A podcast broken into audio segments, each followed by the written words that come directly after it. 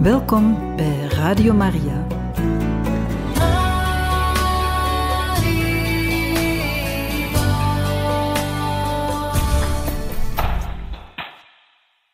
Van harte welkom, beste luisteraars, in het programma Catechismus. Vandaag luisteren we verder naar priester Daniel de Witte over het symbolum van het geloof. Beste luisteraars, beste broeders en zusters, in onze catechese-reeks over het symbool van het geloof zijn wij gekomen aan Ik geloof in Jezus Christus, die nedergedaald is ter helle, de derde dag verrezen uit de doden. Een klein woord over nedergedaald ter helle. Dat punt van onze geloofsbeleidenis vieren wij op Stille Zaterdag, de dag tussen Goede Vrijdag en Pasen dan is er in de kerk geen Eucharistie. Jezus is dood, werkelijk dood en begraven. Hij is onder de doden, hij is in de onderwereld. Dat is niet de hel, want daar is God niet. De hel is de plaats van de verdoemenis. Daar is Jezus niet geweest, maar is wel geweest in de onderwereld, bij de doden. Dat is in het Hebreeuws Sheol. De hel, dat is in het Hebreeuws Gehenna. Jezus is in de Sheol geweest, maar niet in de Gehenna, in de onderwereld, werkelijk dood, tussen de doden begraven. En wat deed Jezus daar in dat rijk van de doden? Hij trok Adam en alle rechtvaardigen mee naar de hemel. Die hemel was dicht door de zonde van Adam. Maar door Jezus kruisdood is de hemel weer opengegaan, omdat Jezus in ons aller plaats de God, de Heer heeft laten zijn van ons aller leven. En alle die in het dodenrijk waren, niet in de hel, maar in het dodenrijk, in de Sheol, die trok Jezus binnen in de hemel, met hem mee in zijn verrijzenis naar de hemelse Vader. Dat zien we vaak heel mooi uitgebeeld op Oosterse iconen. En dan de derde dag verrezen uit de doden. We hebben gezien dat de vrouwen op Goede Vrijdag zagen waar Jezus neer werd gelegd in het graf. Op zaterdag, dat was dus de sabbat, en dan mocht niet gewerkt worden. Maar op zondagmorgen, de eerste dag van de week, het was nog donker, trokken de vrouwen naar het graf om Jezus dode lichaam te balsemen. Maar zie, het graf was open. De grote steen die ervoor was gewenteld, was weggerold. En het graf was leeg. Engelen zeiden hen dat Jezus niet daar was, maar verrezen. Dat lege graf was als het ware een negatief van Jezus' verrijzenis. Het is alsof je in een kamer binnenkomt en je ziet daar dat de muren zwart geblakerd zijn.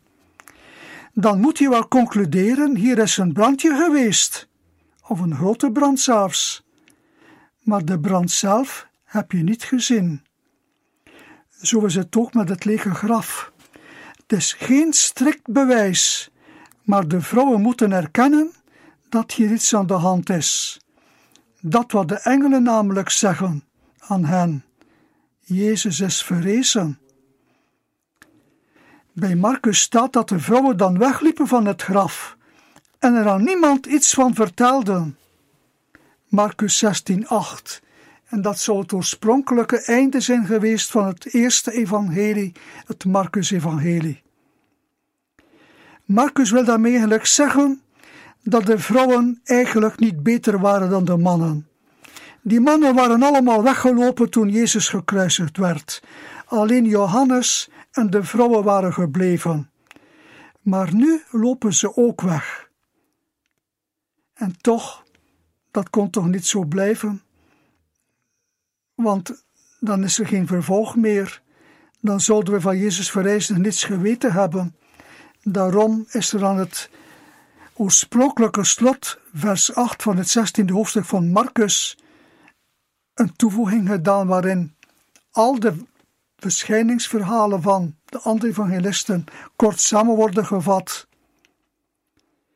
de vrouwen zijn het op de duur toch gaan vertellen aan de leerlingen.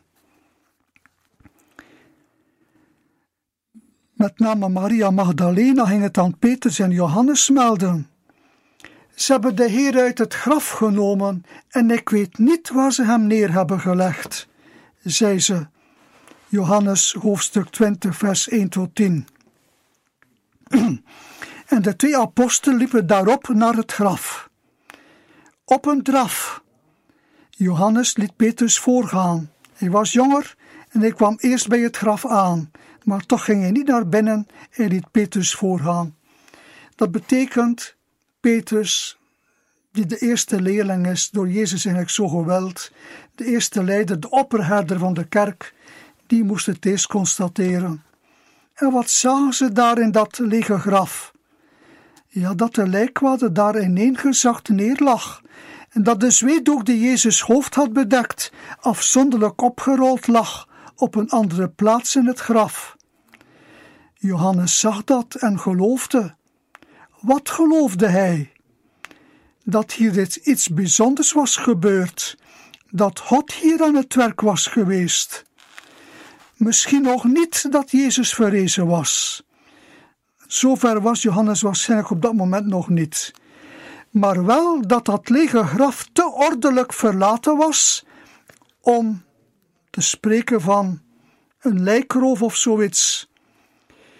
Alleen hadden mensen dat lichaam van Jezus meegenomen, dan zouden ze toch de moeite niet hebben veroorloofd om die zwachters daar mooi te laten liggen, dat lichaam daaruit te halen en dan die hoofddoek, Jezus, ja, hoofddoek, die zweetdoek, netjes op te rollen. Als je het lichaam van Jezus wegneemt, waar bovendien nog soldaten bij de wacht hielden bij dat graf, weten we uit Matthäus Evangelie. Wel, dan moet je toch weten dat als je iemand meeneemt uit het graf, dat je daar niet de tijd voor neemt om dat allemaal ordelijk achter te laten. Je, neemt, zou dat lichaam haast meegenomen hebben. Maar niets van, hier was orde. En dus, er was er iets anders aan de hand. Jezus' lichaam is uit die lijkwade weggegaan, zonder dat daar een mensenhand aan te pas is gekomen. En de lijkwade van Turijn die zeer waarschijnlijk de lijkwade van Jezus was. Dat kan bijna niet anders. Van dezelfde tijd. Ja, ik weet wel, er is een verhaal dat het uit de 14e eeuw zou zijn. Een vervalsing van uit de middeleeuwen of zo. Maar dat klopt allemaal niet. Dat is de koolstof 14 of zoiets uh, methode. Maar er is zoveel gebeurd met die lijkwade dat is, dat onderhevig geweest aan brand en zo, al weet ik allemaal veel. En, maar in die lijkwade zijn er nog restjes gevonden, pollen en zo, die alleen maar in Jeruzalem voortkwamen. En ook op dat, op dat beeld dat in die lijkwade van Turijn bewaard is gebleven, ligt er een, een geldstuk op Jezus' ogen, of op de afdruk van dat geldstuk van het jaar 29 klopt helemaal allemaal tamelijk goed is. Zeg. Uh, Jezus zeven jaar geboren voor Christus, 33 jaar oud, ja, hé, zijn we er ver van. En allemaal pollen en, en ook, ja, uh, natuurlijke plantenrestjes, die allemaal voorkomen in Jeruzalem en van die tijd zijn. Het is niet toevallig. Jezus heeft hier eigenlijk een foto achtergelaten van zichzelf. God heeft een foto gegeven van zijn lijdende zoon, van zijn gestorven zoon. En toch zullen de leerlingen maar echt tot het verrijzenisgeloof komen als Jezus aan hen verschijnt. Eerst verschijnt hij aan Maria Magdalena. Die staat bij het graf te wenen. En dan ziet ze Jezus, maar ze herkent hem niet. Ze denkt dat het de tuinman is. Jezus noemt haar dan bij haar naam en dan herkent ze hem. Johannes 20, 11 tot 13 of tot 18. En dat gaan ze dan melden aan de apostelen. Of beter Maria Magdalena gaat dat gaan melden. Er waren wachters bij dat graf geplaatst, want de Joodse overheden waren bang dat de leerlingen het lichaam zouden stelen en dan zeggen dat hij verrezen was. En dat zou nog een groter bedrog zijn, zeiden de Joden tegen Pilatus, dan wat hij tot nu toe gedaan had, die Jezus.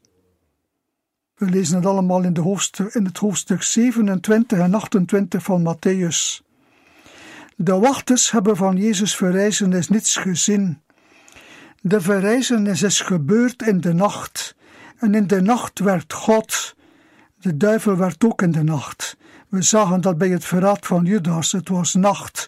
De duivel was in Judas hart geslopen.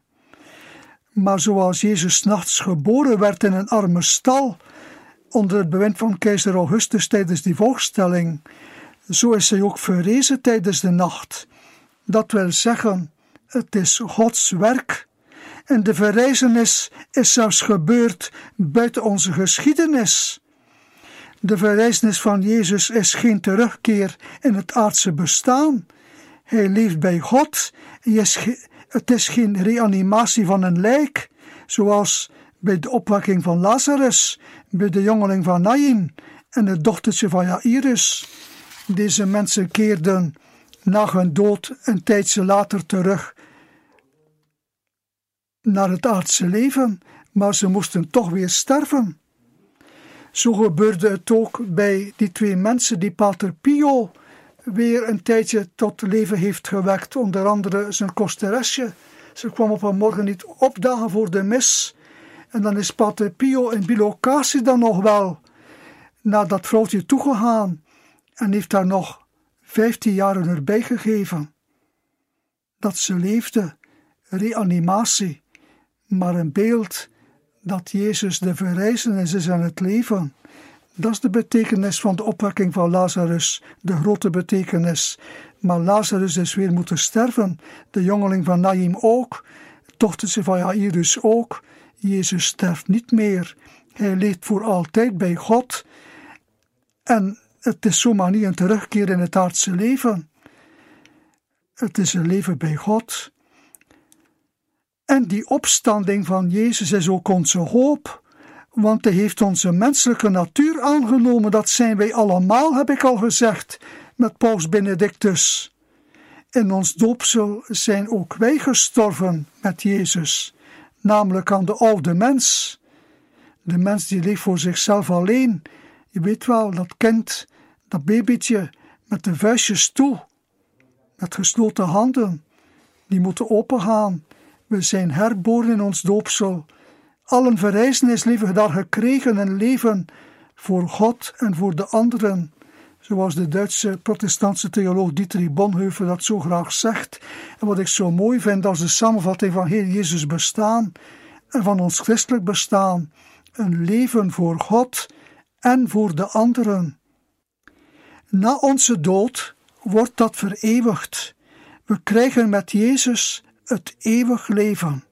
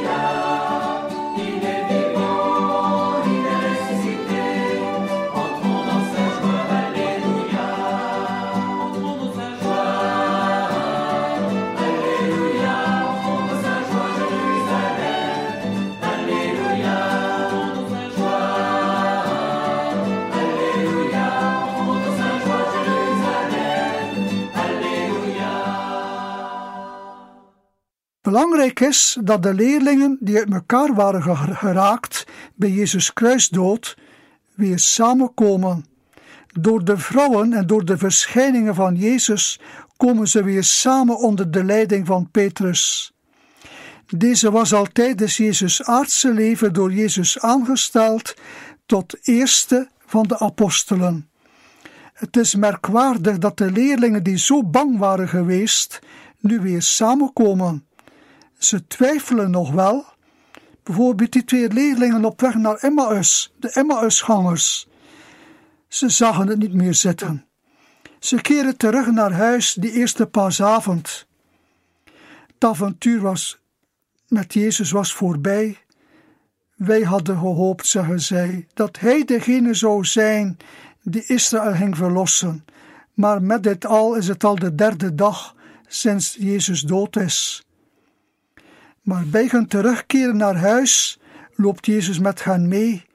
Hij luistert naar hun verhaal, maar hij wijst er hen er ook op dat de Messias dat alles moest lijden om zijn glorie binnen te gaan.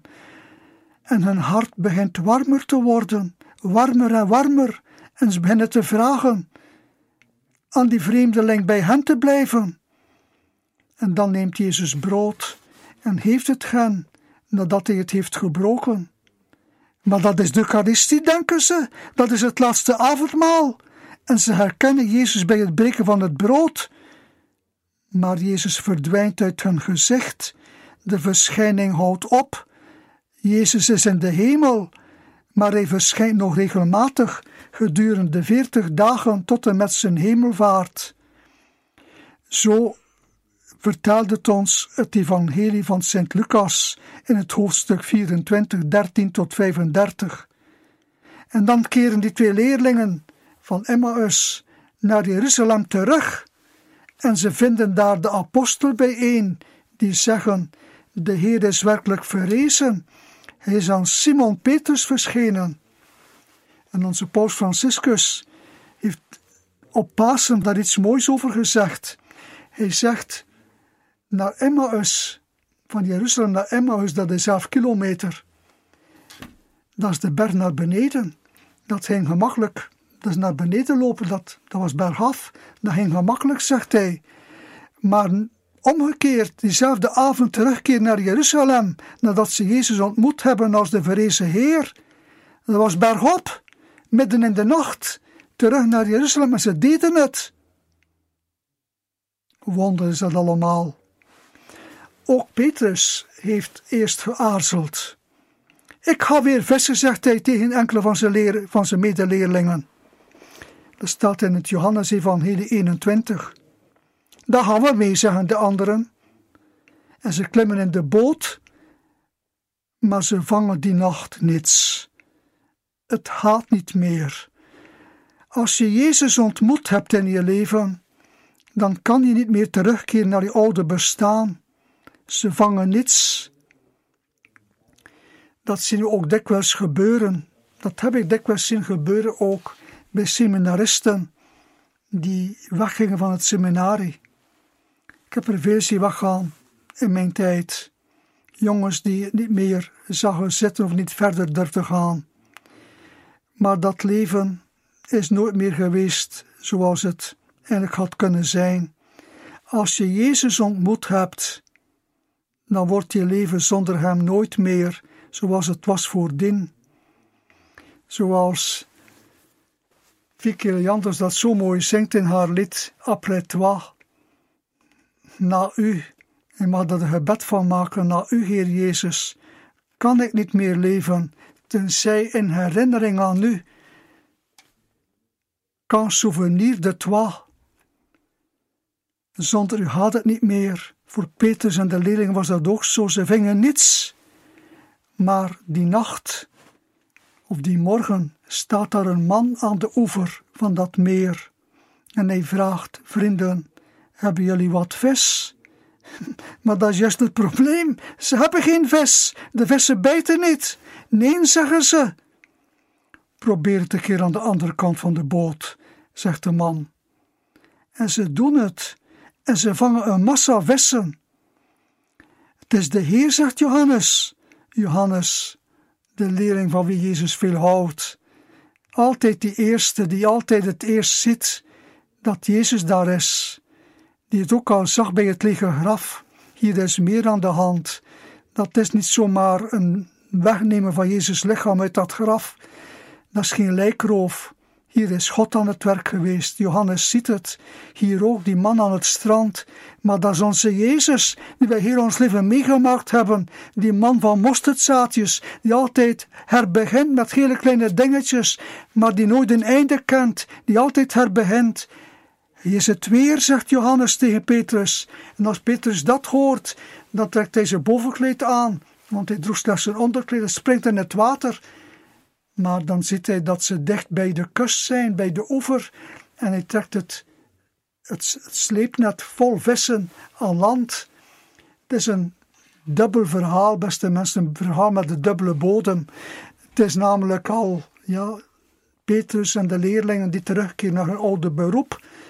Zoals de Emmausgangers ook weer weg, weggingen, terugliepen naar huis, weg van Jeruzalem.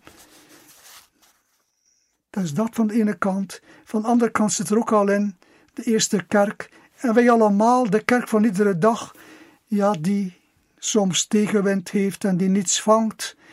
De vissen bijten niet, de mensen komen niet tot geloof door onze prediking. Maar daar staat Jezus op de oever van de eeuwigheid toe te zien. Hebben jullie wat vis? Nee, nee, we hebben dat niet. De vissen bijten niet. Kom mee, kom ontbijten, zegt Jezus. En dan zien ze op het strand, op die oever van, van dat meer, een houtskoolvuur aangelegd, met vis erop en brood. Haal wat van de vis, zegt Jezus, die je zojuist gevangen hebt. En er zijn 153 stuks, zegt Johannes, in dat visnet. En ofschoon het zoveel waren, scheurt het net niet. 153, dat is het getal mensen, het aantal mensen van de toen bekende wereld die men kende in die tijd. Men kende 153 rassen of, of stammen of volken. Meer kende men niet, 153. Dat zit allemaal in die boot en ofschoon heel de wereld eigenlijk geroepen is om in dat net te zitten, dat visnet van de kerk, scheurt het net niet. Jezus houdt ze bijeen, maar dan dat houtskoolvuur dat herinnert Petrus aan dat andere houtskoolvuur daar in de tuin van het paleis van de hoge priester, waar hij driemaal Jezus verlogend heeft. Ik ken die mens niet. En hij voegt er zelfs bij. En dan had hij Jezus tegengekomen. Jezus die zich omdraait, dat staat in het Lucas-evangelie. En Jezus keek Petrus aan en dan kraaide de haan en dan begon Petrus bitter te schreien, want Jezus had hem gezegd: Ja, Petrus, gij zult mij wel volgen, maar voor de haan kraait, zal je mij driemaal verloochend hebben. Het was uitgekomen, maar ook Jezus had hem beminnend aangekeken met liefdevolle ogen en het hem vergeven. We hebben allemaal fouten, we hebben allemaal zonden, maar altijd opnieuw roept Jezus ons. Hij doet voort met schamele mensen ook de priesters en de bisschoppen en zo. We zijn allemaal schamele, zondige mensen. Maar met ons doet Jezus voort en hij roept ons en hij geeft ons te eten. Van de vis die wij gevangen hebben, ja, dat is ons geluk dat we, dat we bereiken als we mensen kunnen bij Jezus brengen. Maar ook vis, vis, dat is in het Grieks ichtus. En ichtus, de, letters ichtus, dat wil eigenlijk zeggen Jezus theo, Theogios, Soter, Jezus Christus, Gods Zoon, de Redder. Dat is de vest die Jezus geeft. Dat is ook de Eucharistie. In de broodvermenigvuldiging, voor afbeelding van, van de Eucharistie, waren er vijf broodjes en twee visjes. Ook hier, Jezus geeft hen te eten van die vis. Maar hij zelf die vis. Hij is de redder van de wereld, Jezus Christus, Zoon van God, Soter, de redder. En dan worden de leerlingen gestuurd om kerk te worden. Heb je mij lief? vraagt Jezus aan Petrus. Hij vraagt dat drie keer. En Petrus voelt dat wel. Dat is een herinnering aan mijn drievoudige verloochening. maar toch, het is geen verwijt. Jezus wil alleen maar zeker zijn van Petrus liefde, want om de kerk te wijden en te hoeden, om herder van de kerk te zijn, van Gods kinderen, van de mensenkinderen, daarvoor is er veel liefde nodig. Simon, heb je mij meer lief dan deze mij lief hebben? Ja, Heer, hij weet dat ik u bemin. En de derde keer als wordt hij bedroefd. Maar hij weet toch alles, Jezus. Hij weet dat ik u bemin. Ben ik wel zwak geweest, maar hij weet alles. Hij houdt van, ik hou van u. Hoed mijn schapen, wijd mijn lammeren. En zo is de kerk begonnen. Want was Jezus niet verrezen, dan zat ik hier op dit moment niet om over hem te vertellen. Dan was er geen kerk. Dan zaten jullie niet te luisteren naar Radio Maria. Dan was er geen klooster. Er waren geen priesters. Er waren geen gelovigen. Maar toch zullen we nog moeten wachten tot Pinksteren, wanneer de apostelen gestuurd door de Heilige Geest Jezus echt gaan beginnen verkondigen. Nog één opmerking. Jezus laat in zijn verschijningen heel goed zijn wonden zien. De verrezene is de gekruisigde, geen ander. Jezus heeft werkelijk geleden en is echt dood geweest. Maar zoals hij gezegd had, verrees hij op de derde dag. Belangrijk is ook hierbij dat Jezus lichamelijk verrezen is. Hij is geen geest, hij eet met zijn leerlingen, hij spreekt met hen, ze mogen hem betasten. Dat staat bij Lucas 24, 36 tot 43. En we, lezen er ook bij Johannes over Thomas. Thomas was er niet bij toen Jezus kwam, die eerste zondagavond. En zei vrede, zei u de vrede van de nieuwe schepping. Was er niet bij. En de leerlingen vertellen, we hebben de Heer gezien. Jammer, jammer, jammer, zegt Thomas. Als ik in zijn zijde niet mijn hand kan leggen en mijn vingers in de, in de wonden van, van zijn handen kan steken, zal ik zeker niet geloven. En dan acht dagen later, dan is er al het begin van een kerk, dan komt Jezus terug. En de leerlingen zijn weer samen voor de Eucharistie, onze zondags-Eucharistie. En dan is Thomas erbij. En dan gaat Jezus recht naar Thomas toe.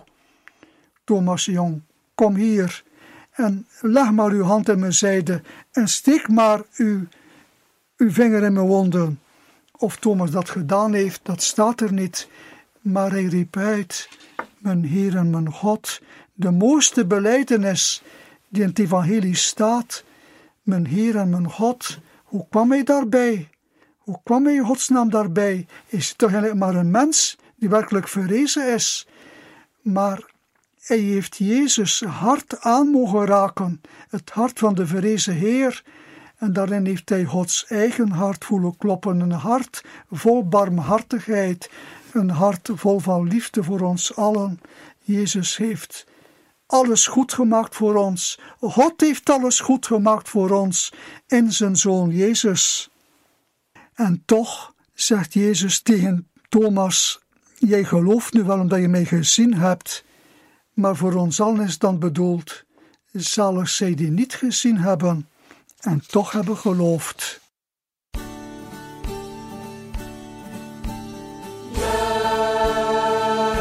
Juich, Jezus is Heer. Van Hem, die ons lief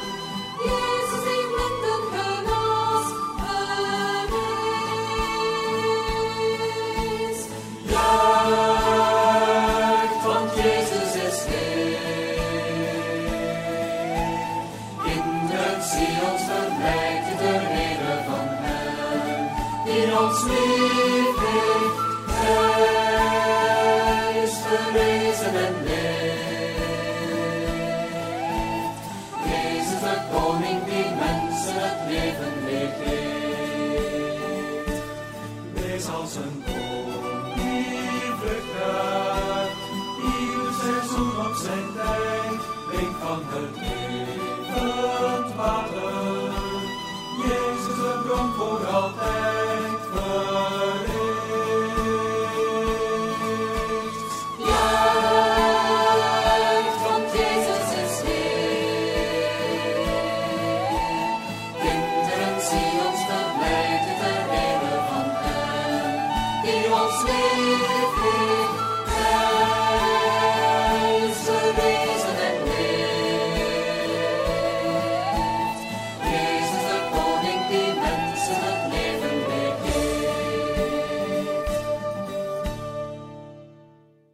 En zo zijn we, beste luisteraars, alweer aan het einde van deze catechese over het symbolum van het geloof, gegeven door pater Daniel de Witte. Radio Maria wenst u nog een zeer mooie dag toe.